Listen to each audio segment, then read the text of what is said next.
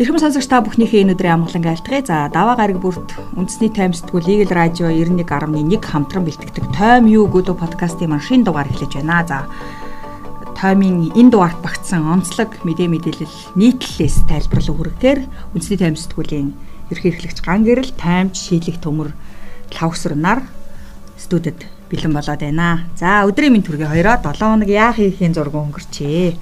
Өдрийн Энэ 7 хоногийн онцлог нийтлэл маань арчилсан ном минь тухай байсан тий. Манай нийтлэлч дамжинж бичсэн. Арчилсан ном, ардчилсан ном өхөж үл болно гэсэн сэдвийг бид гол нийтлэлээр авлаа.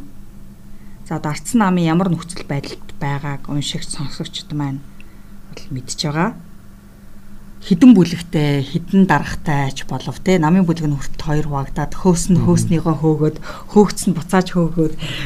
Тэгэхээр эндээс энэ арц намын энэ байдалд одоо ямар зүйлүүд буруутай те? Гэсэн гарц гаргалгааг бас дайман маань бичсэн байлээ. Яг хоо энэ сэдвийг хүндэх болсон цаг үе талаас гэх юм бол одоо ирэх баасан гарагтай 11 сарын 5 гарсан ном аа нөгөө хэзэн Чингис хааны мэндэлсэн өдрөөр ив нэгдлийн их хурлаа хийнэ гээд ерөнхийдөө товлсон байгаа. Гэтэ энэ хурал болох уу болохгүй юу? Одоо чимээгүй өнөөдөр чимээгүй байдаг. Болохгүй хин гэтэ нөгөө уг нь улсын хурлын нөхөн сонгуул өмнөдөө сонгуульд одоо ингээд нэгдэж одоо оролцохоор боллоо гэд хоёр талаас нийлээ. Тэгээд ив нэгдлийн их хурлаа хийхээр боллоо гэд товлоод тэр үед бас олон нийт арслан маань гэхээр асуудлаа шийдэх нэг харж ирсэн. Гэтэл одоо тэгээд тийм зүйл болсонгүй улам бүр нэг асуудал нь хүндрсэн. Бүлэг нь хоёр хуваагдаад 21 хоног л хурлаа хийсэн. Өнөөдөр хурлаа хийсэн гэж байгаа боловч бас яг бүгдээр оролцсон хэсэг нэргэлзээтэй л байлээ. Гэтэ нөгөө хөөсөн хөөгц нь хоёулаа хуралдлаа гэж зарим сайтууд мэдээлээдсэн тэр бас тэгсэл болж та. Арчил нам яг хоо тэг ингээд цаг үеийн талаас нь бол арчил нам ямар байдалтай байгааг хүмүүс одоо бүгдээрээ л ингээд гадна талаас харж байна л та. Эрдэнэгийг дарга болоход аа Ёроолдон унжид дахин сэргэнэ гэдэг үгийг Баабар гойлж ирсэн. Тэгэд яг Арсланамын тэр ёроол нь одоо хаана байгаа юм бэ гэхлээр баг ахаал доошо унаадах юм. Гэтэл өөрөө энэ Арсланам гэдэг нам нь за заримдаа яг арчлыг өмчлөх гээд идэг талтай боловч ялчгүй одоо барууны одоо хүний эрх чөлөөт эдийн засаг одоо нийгмийн шинжилгээг авчирсан хүмүүс бол энэ арслан намынхан л тэмцэж авчирсан шүү дээ. Тухайн үед. Тэгэд энэ нам бол гэр хоёр багантай байдаг шиг энэ нам байж ич одоо Монгол улс За арслан нам засгалдаг юм ахис хүчтэй сүрэх чинь хүчтэй хяналт байх ёстой. Гэтэл энэ орон зай өөрөө өнөөдөр байхгүй болоод арслан нам ягаад өхөж үл болно гэдэг гарчиг энэ нийтлэл тавьсан гэхээр Арслан нам байхгүй бол ерөөсөө нэг намын дарангуул гэдэг зүйл рүү явж байна. Манад өнөөдөр 3 дахь хүчнийгээд нэрлчих нам үнэндээ алга. Арслан намаас гэтэл 3 дахь хүчний гэдэг нэрлэгдэж чадахгүй хэмжээний тийм нам сая нөхөн сонгуулаар арчсан намаас илүү санал авч байгаа байхгүй. Бүр баг биедээ агчийн төвшин юм шүү дээ. Цагаан хуудастай одоо Арсенамаас нэр дэвссэн хүн ерөнхийлөгчийн сонгуулиар одоо цагаан хуудастай өрсөлдөхүүц хэмжээнд байгаа нь энэ намын нөхцөл байдал ямар болчихоо гэд яалтчгүй ингээд дүгнэх хэрэгтэй. Гэхдээ энэ бол дарга гэдэг одоо хүн солихосоо илүүтэй эхлээд үзэл баримтлалаа нэг эргэж хараач. Хаашаа явж байгаагаа яриач. Зөвхөн одоо Манад бол ингээд намуудын үзэл баримтлал гэдэг зүйл ярихлаар одоо намууд үзэл баримтлалаараа л өөр байхгүй бол зүгээр нэр нь өөрчлөгдөд энэ дээр бол хүмүүсийн хувьд сонголт хийхэд одоо хүчин тарамддаг ч юм уу зүгээр хүн л харсан сонголт болоод байгаа. Гэтэл нам гэдэг өөрөө засгийн эрхэнд гарах бодлогоо хэрэгжүүлэх тийм институт. Гэтэл улс төрийн намын хөгжил нь өөрөө ямар нөхцөлд байгаа вэ? Өнгөрсөн хугацаанд бол хоёр нам нэг нь ирэх бариад нөгөөх нь сөрөг хүчин хийгээд хяналтаа тавиа явдаг байсан бол сүүлийн хоёр сонгуулиар их хурлын сонгуулийн үрдэнд бол ерөөсөө сөрөг хүчин гэдэг ойлголт байхгүй болчихлоо.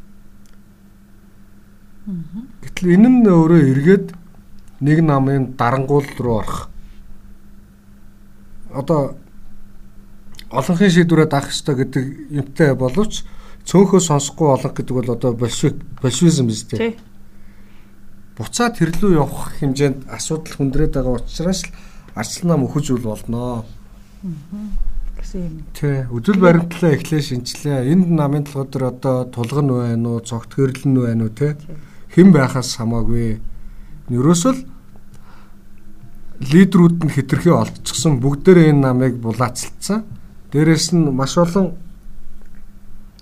фракцууд нь эхлээд бол зодтолдогч тогоон дотор зодтолдод байдаг. Эсвэл бол одоо намаа хуваагаад тогоогоо аглаад гэдэг юм уу одоо нөхцөл байдал тийм болчлоо. Гэсэн мөртлөө яг нэг олон лидер тийм шиг болж ирээд яг туг болох хүн байхгүй. байхгүй. Тий. За, арцсан намыг ингээд амьд л үлдээхгүй бол арцсан нам ерөөсөө амьд байх хэрэгцээ нь Монгол улсад ч хэрэгтэй. Монгол ардын намд бол бүр их хэрэгтэй. Тийм. Ерөнхий сайд гэсэн баяргаа хэлсэн мэт шүү дээ. Арс нам сан байх нь Монгол ардын намд ашигтай гэдэг. За. За дараагийн сэдвэр манай шилгээ өөрөө бичсэн те. Үнгүйдэж байгаа үндсэн хуулийн өөрчлөлт. Яагаад ингэж дүгнэх болоо? Тэгэхээр үндсэн хуулийн өөрчлөлт одоо бас 2 жилийн өмнө батлагдсан. За харин 2020 оны 5 сарын 25-наас хэрэгжиж эхэлсэн. Тэгэхээр үндсэн хуулийн өөрчлөлт бол 19 жилийн дараа өөрчлөлт оруулсан. За тэр 19 жилийн хугацаанд бол өөрчлөлт оруулах ёстой гэж 2 3 парламент амжаал ярьж байгаад өөрчлөлт оруулсан тий.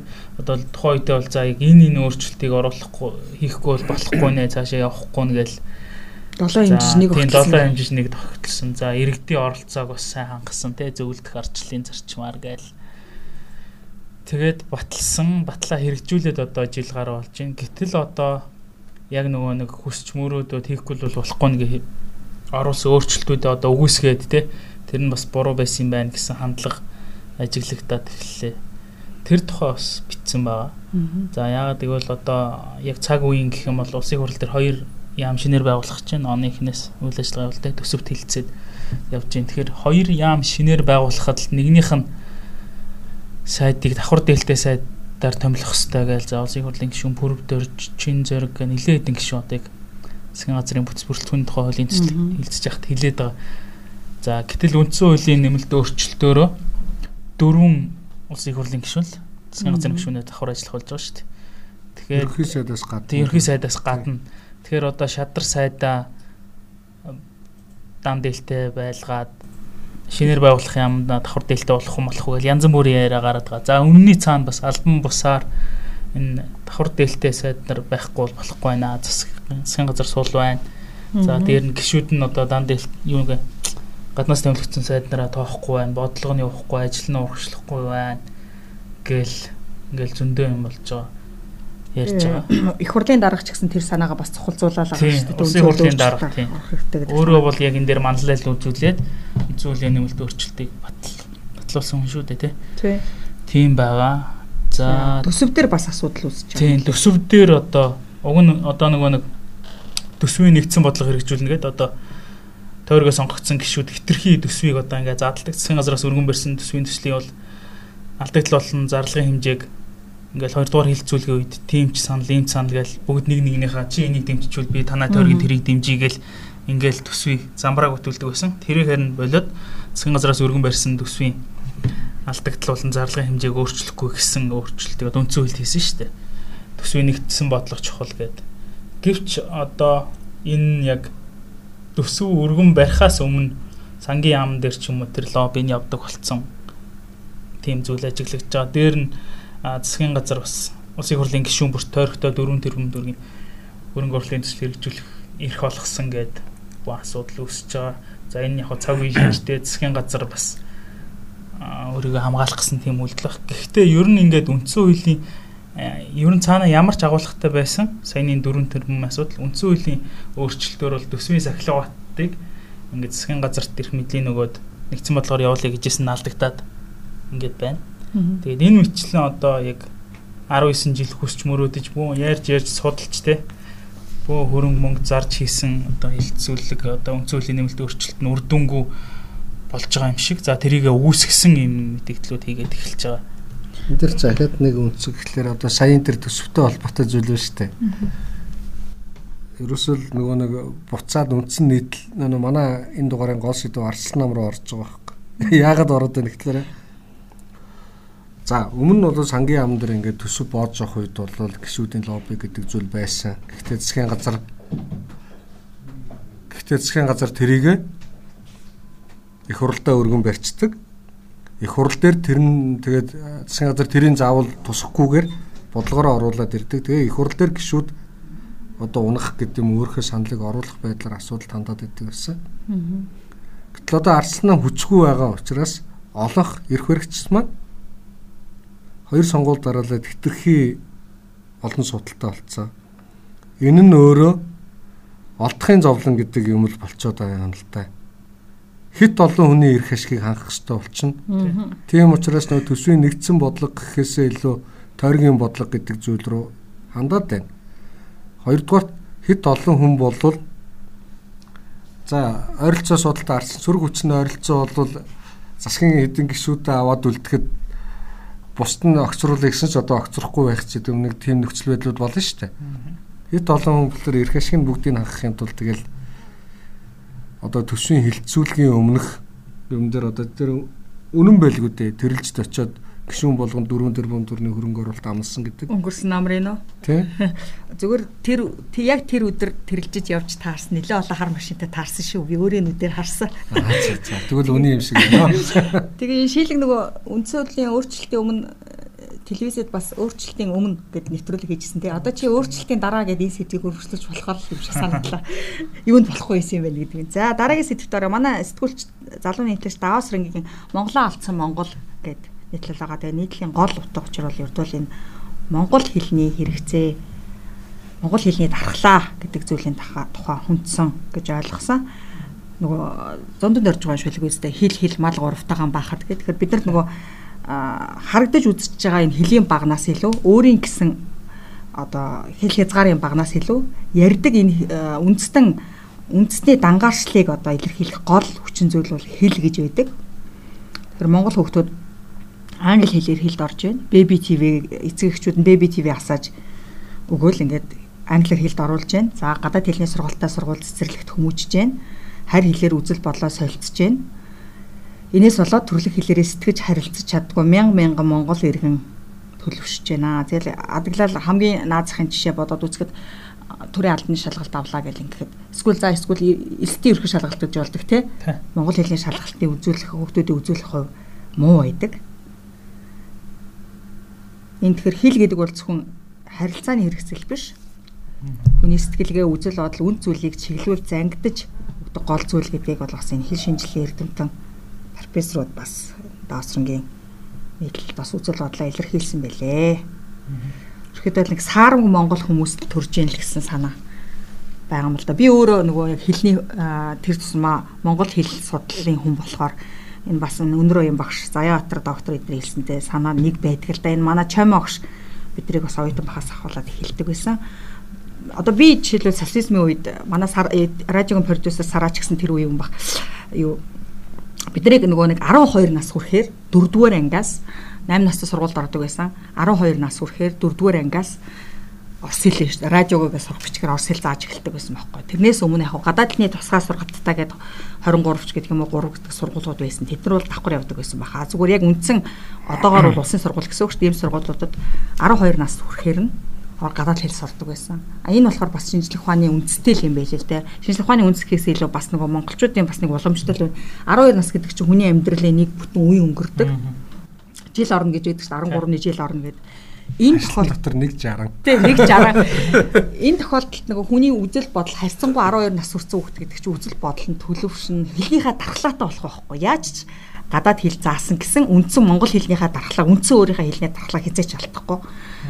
Тэгэхээр би бас энийг сургалтанд бас хэрэглэмээр санагддаг байхгүй. За одоо бүр төрөлцсөн сургалттай сургуулиуд ч одоо дүүрчээ. Одоо социализмын үеих гэдэг чинь шүү дээ. Би ч социализмын яриа дараагийн үеих байхгүй. Миний бас англи зарлж бид нар ч бид нар ч бүр яасан шүү дээ. Нэгдүгээр ангиараас Монгол үчгээр бүх хичээлээ үзээд Кирилл мэдхгүй 5 дугаар анги хүртлээ. Аа тэгэл сайхан ярьж марахта абуу энэ төр гэж ярьдаг байсан шүү дээ. Жиг тоглоомсон үеийнх юм шүү дээ. Тэгээд 5 дугаар ангиас чи орс хэл үз зааж эхэлсэн баха. Тэгээд та 7 настай сургууль дээр байж тээ. 8-тай. 8-д орсон. Тэгэхээр л бас үе өнгөрөөж ижил орсон байх. Тэгэхээр таны саяны хэлээд байгаа нөгөө хийлгэл яг нөгөө нэг харилцааны хэрэгсэл биш ээ. Одоо энэ бол нэг цаана Монгол хүн гэдэг тэгээ Монгол ах уу бүх юм ингээ явж идэг. Одоо нөгөө нэг одоо ингээд за ихэнх одоо ингээд хүүхдүүд те одоо ялангуяа хотын хүүхдүүд бол одоо ингээд монгол ахугаас холгоо штэ. Дээр нь одоо монгол хэлнээсээ ингээд холдох гэдэг хэлний цаана бол ингээд маш юм монгол хүн монгол ахуй гэлтгээс олон зүйл байж идэг. Аа гэтэл одоо ингээд ахугаасаа ч холдоод те одоо ингээд хэлнээсээ ч холдоод ийм ийм нөхцөл байдал үүсэж байна гэсэн агуулгыг нийтлэр хүндсэн байгаа. За хамгийн гол нь хэлэг нь өөр хэлээр яхалж тэгээд сэтгэлгээ нь бас өөр. Сэтгэлгээнд дагаад өөр бол. Одоо өнгөрсөн 7 хоногт сэтгүүл дээр орсон материал дээр манай даймиг материал дээр нөгөө мундраа хутгах гэсэн үг байсан шүү дээ. Ямар нийтлэл дээр байлаа да. Нийт төрчин дугаардаа. Тэгээ мундраа гэхээр бас ойлгохгүй хүн гарч ирсэн. Мундраа гэж юу гэсэн үг юм. Тэр хэлээр алдагдчихж байгаа байхгүй уламжилт хэл ярьдаг үгнүүдийг мэдэхгүй Тэгээ нөгөө дээр зүрх хэлж нэг баахан гадаад үг ор. Үгүй Монгол үгийг дахин сэргээгээ. Нөгөө оногоо байдаг өстө банаг гэл нөгөө банаггайд ороод гэл нөгөө нэг илүү гэрээ хэлдэг штэ. Тэгтээ ялгууд нөгөө энэ таны ажлын айлч гэсэн чинь оо манай банаг штэ гэсэн чинь банаггай хідүүлэн амьдэрдэг гэх мэтчлээ ингээд хором өдөр одоо хүүхдүүд маань ингээд харь хэлийг сурах тусам харь хэсгийг хийж сурахыг буруу гэж хэлээгүй. Гэхдээ монгол үгнүүд маань алдагдаад байгаа хгүй. Ойр тойрхон хэрэгэлдэг. Бид нар ерөөсөө нэг өдөр тутам яринд хэрэгэлдэг. Мянган үг шүү дээ. Мянган үгээр л хэмжигдээд байгаа. Тэгэд гадаад үгнүүд нь аюу Монгол юм шиг. Тий. Одоо бид нарын хамгийн алдартай хараалч одоо гадаад үг үстэй. Өшөө гэдэг үг байна. Өшөө өшөө гэд яриад байгаа байхгүй. Тэр чи одоо монгол үг биш шүү дээ. Өшөө гэдэг. Тэ дахиад гэсэн монгол үг байхгүй. Тэгээ драмын театрын билетийн кассанд очрлоо гэдэг. Очрлоо. Бүгдийг л ойлгож байгаа шүү дээ. Монгол үг байгаа мод дотор нь. Тэгэхээр бас хүүхдүүдээ монгол хүн байхын тулд энийг үзээ яагараа сонирхоорой. Одоо манай гэрт ч гэсэн Baby TV-гээр л ярьдаг хүн байна. За дараагийн салбар манай эдийн засгийн тоомч нийтлэлч болор эрдэнэ сорилттой тулсан барилгын салбар гэжээ. За энэ үнийн өсөлт гаарсан сардхлын 2 жилд. За дээрээс нэмээд одоо 17 8 хонжоо урд хэл хаагдаад замууд бомб хаагдаад тэгээ замын үүдийн бомб хаагдаад одоо манай нарийн ногооноос ахуулаад л бүдүү ногоо одоо тэгээ барилгын материал цемент бүх юмний мөн нэмэгдэж байна. За энийг бас үүсэж байгаа нэг салбарын нэг бол барилгын салбар. За өнөөдөрхөн дөнгөж тэр барилгын улсын төсвийн хөрөнгө оруулалтаар барилга барьж байгаа компаниуд бас нэгдэж өсөглөн зарлага мэдлэгдэхээ мэдэгдсэн байна. 6000 гаруй аж ахуйн нэгж бол тун хэцүү байдалтай байна. Эдгээр ч нөө төсөвт яагаад өгөөч гэдэг байгаа юм байл шүү дээ. Үний өсөлт тийм зөрийг бас нэг бодлын бас зөв л байгаа юм л дээ нарын. Тий. Энд чинь ингээд цаашаа хамгийн айлтгал барилгын салбар ингээд зогсно гэдэг чинь банк руугаа нөлөөлж эхэлж байгаа. Эдийн засаг руугаа нөлөөлж эхэлж байгаа тий. Тэр 2008 оны дэлхийн эдийн засгийн хямралч ерөөсөө л Америк төр моргежийн зээл дагсан барилгын салбарын хямралаас болоод сүүлдээ дэлхий яалаа. Тэгээс манайхан чинь бас гिचүтсэн шүү дээ. Гिचүтсэн. Тэгэл дэлхийн эдийн засгийн хямрал гээд араас нь нөгөө нэг үр тарианы хүнсний хомсдол гээд зүгээр айгүй хэцүү. Тэгэхээр энэ барилгын салбарыг хайж болохгүй одоо төсвийн орлогч дотоодын бүтээгдэхүүний хэдэн хувийг эзэлдэг гэсэн бэ? Барилгын салбар.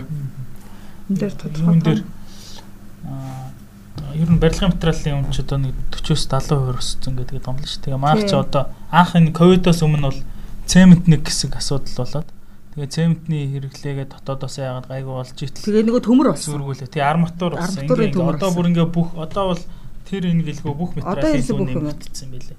Тэгээд төсвийн хөрөнгөөр ажил гүйцэтгэх компаниуд нь алдагдлаа ороод зөрүүгээ төмрийн хөдөлтөй манах заяа. Одоо боогон орон жуулж байна. Зэсчсийн баяжмалтай. Тэгээд коксч нүүрстэй. Ингээл үйлдвэр тий үйлдвэр барьсан бол тэр арматур дархны төмөрлөгийн үйлдвэр маань юу болсон бэ? хөмлөгийн үйлдвэр маань тэгэл бас л нөгөө нэг өмчийн хувьд маргаатай амтрлаа тий. Одоо нөгөө нэг юу маань бас байхгүй болцсон тий хөтлийн сэмж хоцсон. Тий. Макл байна уу да? Мак нас.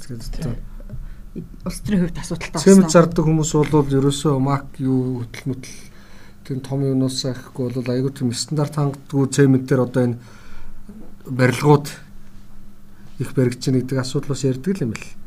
За дараагийн сэдв рүү орох уу? За дараагийн сэдв рүү орё. За эхний санаа бурхных гэжээ. Лувсан ямдан. Залуус төрөл лувсан ямдан бичсэн байна. Одоо яг 2022 оны улсын төсвийг их хурл хилцэж байна. Тэгээ яг төсөв бол хүндэл байгаа шүү дээ орлоготой бол бид нар сүүлийн 2 жил дараалал 42 сая тонн нүүрс экспортлно гэдэг зорилт тавьсан. Уул уурхаагаас ихэнх орлогоо олдог. Гэтэл ингээд энэ ковидын нөхцөл байдал хэл хаадаг янз бүрийн байдлаас болоод нүүрсээ бид нараа сансан хэмжээнд олборлож чадж байгаагач борлуулж чадахгүй байна. Тэгээ тэр хэрээрээ төсвийн орлого тасалж. За нэг азар нүүрсний үнц гэдэг үдсийн үн жоохон өсөд идэг. Тэрүүгээр л ингээл э, урд тормогоор хой тормогоо нөх маягаар яваад идэг.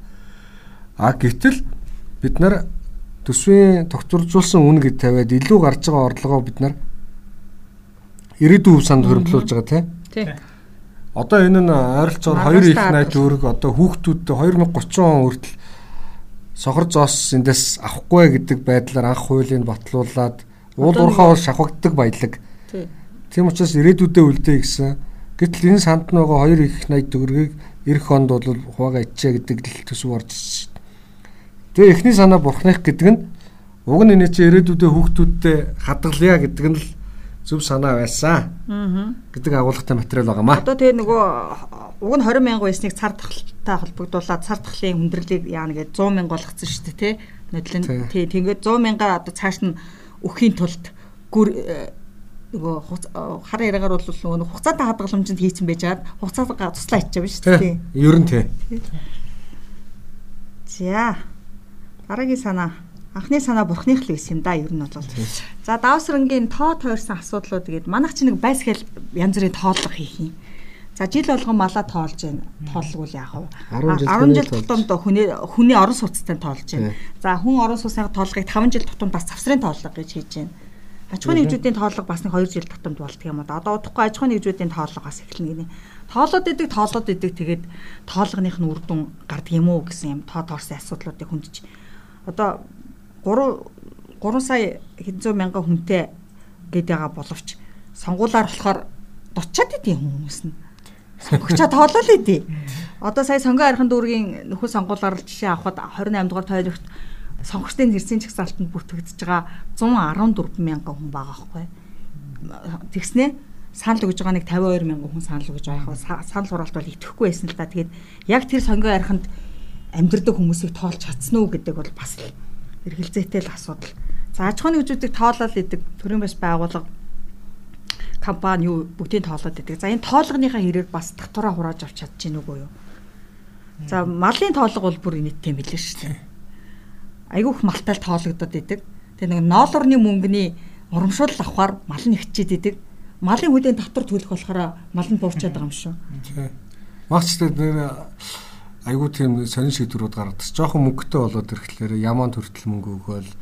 Тэгээд малчтаа дэмжин гэдэг байдлаар ноолуурын үнийн зөрүү, ноосны урамшуул гэж өгнө. Тэгэхээр хүмүүс тэгээ нэг бүрчлэн танах хэдийн ямаатай хэдэн хонтой очоо тоолох хүнч хүчч тийм боломжч байхгүй шүү дээ. Тэнгүүт тэгэл малчнаас нь асуудаг. Дээрээс нөгөө малчт нь аа малчны зээл авахын тулд малаа өсгөж хилдэг тийм тооллогоор Тэгээд очиод оо. Тий. Тэгээд тэрийг үндэслээд урамшуул өгөөд өгдөг болохоор малаа давуулж одоо манайх 70 сая малтай гэдэг айгуул худлаач хийж магадгүй.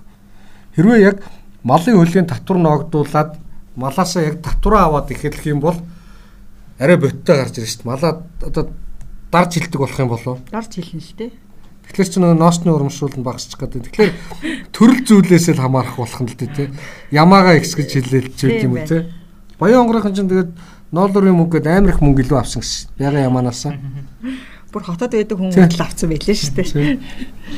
Тэгээ одоо ингээд бүх юмыг тоолж ийн гэж яг тоолоод одоо тооц тооцоосноос их байвал яах гээд байгаа бага байвал яах гээд байгаа ер нь тоолж яах гэж байгаа юм амар тодорхой бас. Жишээ нь одоо маллаа жил болгон тоолж ийн тэгээ 70 сая 60 хэдэн сая 70 сая гэлдэг тэгээ одоо нэг бэлчээрийн даац амар хэтэрсэн гээд тэгдэг шүү дээ тий. За тэгээд үнэхээр ихтэй байгаа бол тоолж байгаа за хитсэн байна. Бэлчээрийн дац хэцүүдлээгээд яг бууруулах чанар чилжүүлэх ч юм уу тийм бодлого хэрэгжүүлэх гэж байгаа юм уу гэхээр бас тодорхой бас. Зүгээр л нэг юм утга учиргүй л тоолсон жилүүд би яваад байгаа байхгүй тий тэр тохоо бас хүн дээр бол яг ялч бас тоолох нь зүг байхгүй яг бас нэг 3 сая хүнээ тодруулаад 2 сая хүнээ тодруулаад. тэр бол бас Гэтэ бас манайх ч яг бас дайм байлдаан болдог орнуудыг бодвол бас доктортой л болохоор тий тэр би сүүлд мегах орчуулсан мэдээг харж исэн чинь Афганистан гэдэг одоо нэг хэцүү улс шүү дээ. Одоо дэлхийн бөмбөрцөг хамгийн ядуу байнга 79 оноос хойш нэг ч удаа хүний тоолоогүй гэсэн. Тоолж ихтэл тоолж явах явцад нь хязгаас нь хүч үргэлдэх хэрэгтэй. Тоолох нь зөв бах уу гэхдээ. За хамгийн гол нь тоолгоныхоо үр дүнгэл үзмээр. Юм. За дараагийн сэдв сэтгүүлч залуу сэтгүүлч хонгор зул нууцгүй нууц гэдэг сэдв хөндөжээ одоо ерөөсө техник технологи хөгжсөнтэй холбогдуулаад бүгд бүхний гарт зэвсэг нэг зурагтайгаар ширлэгдвэл амьдрал дуусах болчиход байна л да. Тэгээ энийг бол бас хуулиар зохицуулах хэрэгтэй гэсэн санааг хүндсэн гэж ойлгосон тийм үү? Тийм. Дээрэс нь одоо энэ нууцын хууль орж байгаа шүү дээ. Тэгээ юуг нууц гэдэг их одоо чинь гүйцэтгэх ажиллагааны шугамар олж авсан мэдээлэл задлж чинь. Тэр мэдээлэл нь нэг тийм хуурамч хаягнаас цацагтаад байна шүү дээ. Тэгээ энэ мэнийг зохицуулахгүй бол бас одоо хүний хамгийн аюулгүй амар тайван байх хэвээр одоо гэр орон байгаа шүү дээ. Гэтэл гэр орны цонхоор нь бичлэг хийгээд байдаг.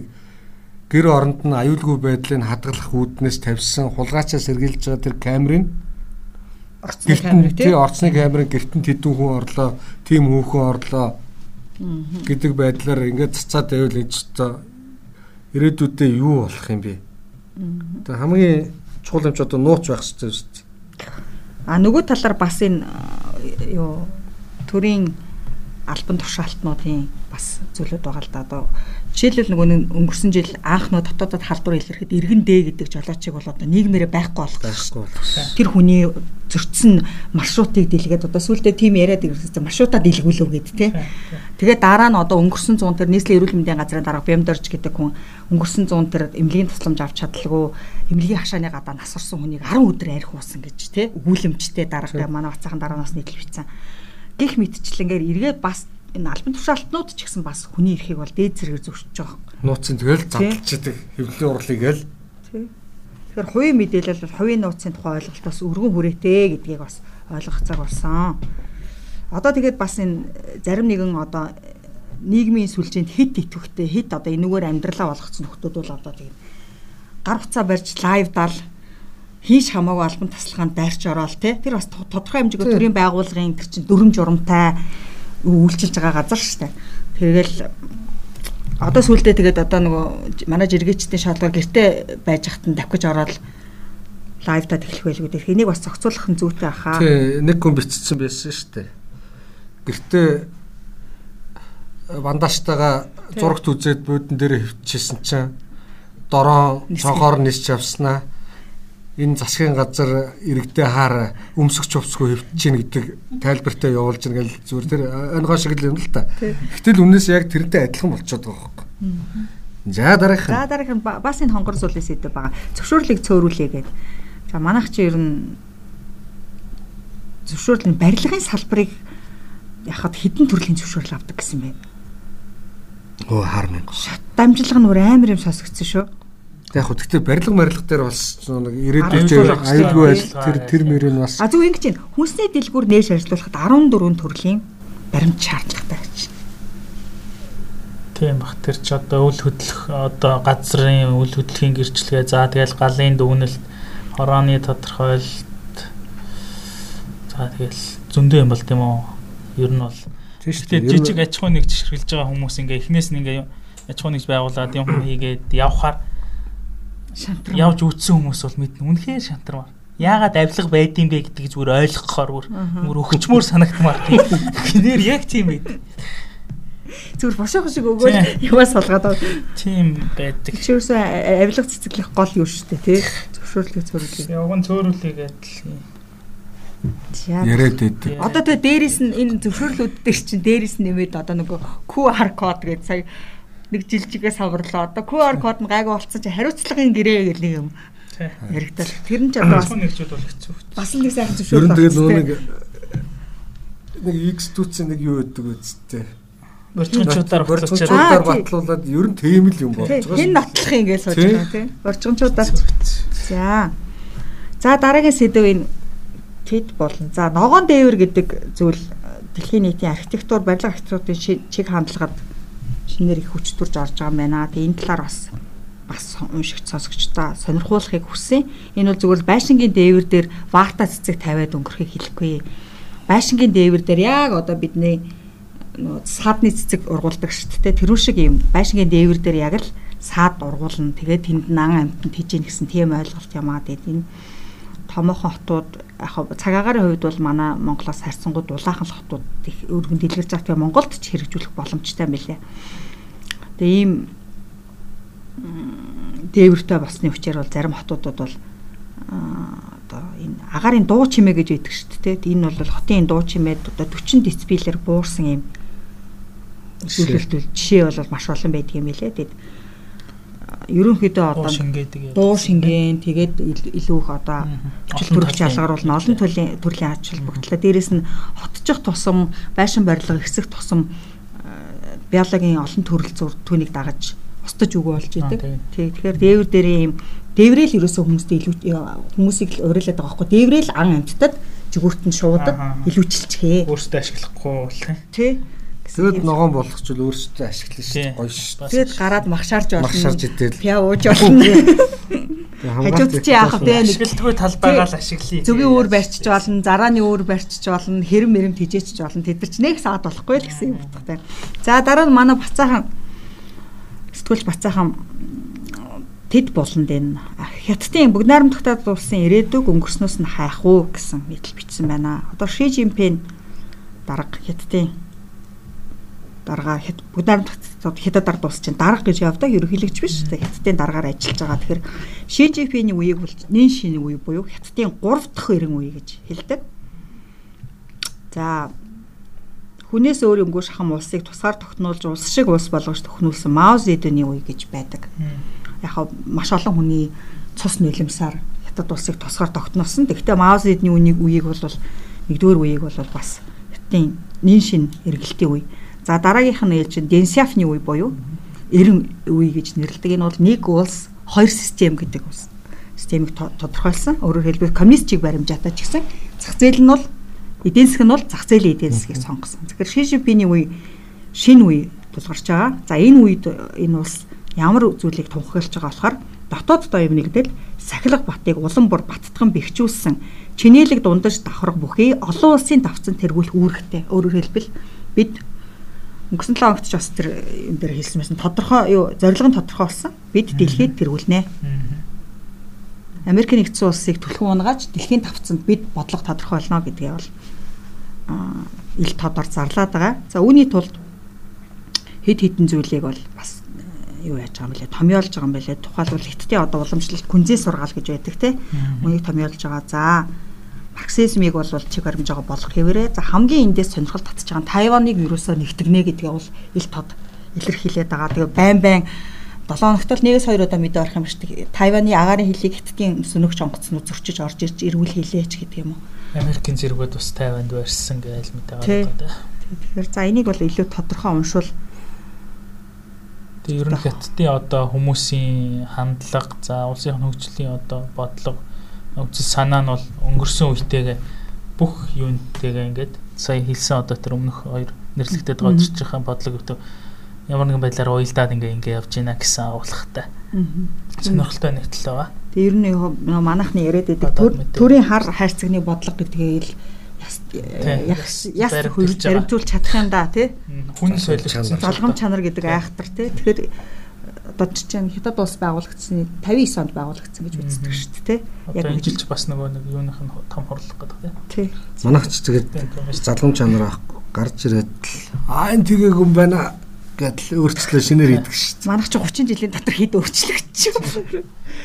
За дараагийнх нь манай урлаг болонд бид уран зургийн талаар сонирхолтой тайлбар урлаг судлаачийн уран зургийг яаж уншиж болох талаар одоо нийтлэл цуврал нийтлэл хүргэж байгаа. За урлаг судлаач Амината хамтраад манай сэтгүүлч Даосрон бэлтгэж байгаа энэ дугаар энэ удаагийн дугаар болохоор энэ Бочилогийн зураг байсан уу тий? Венера төрсөн үү? Тий? Бочилогийн зураг байсан тий? Манайхан зургийг хараад Венера мэдлсэн гэдэг зургийг сайн мэдэх баха. За энэ зургийн талаар тун сонирхолтой нэг юм хясан дундаас нэг эмэгтэй хүн зогссон юм зураг байдаг. Тэгээ энэ зургийн талаар сонирхолтой тайлбарыг сонирхоорой. За ингээд тайм сэтгүүлийн 493 дахь дугаар 500 дахь дугаар гөмд өгч шүү. Тий. Доогоорт багцсан мэдээ материалаас сонирхуулахад юм байна. За уламжлал ёсороо сонирхолтой 7 хоногийн фото агшин мөн гадаад фото за энэ 7 хоногт иш татгаар онцлох ишлүүдийг бид бас багтаасан байгаа. За эдгээрийг манай Instagram хаягнаас олж уушаарай. За ингээд эх 7 хоногт шинэ дугаараар уулзтаа. Түр баяртай.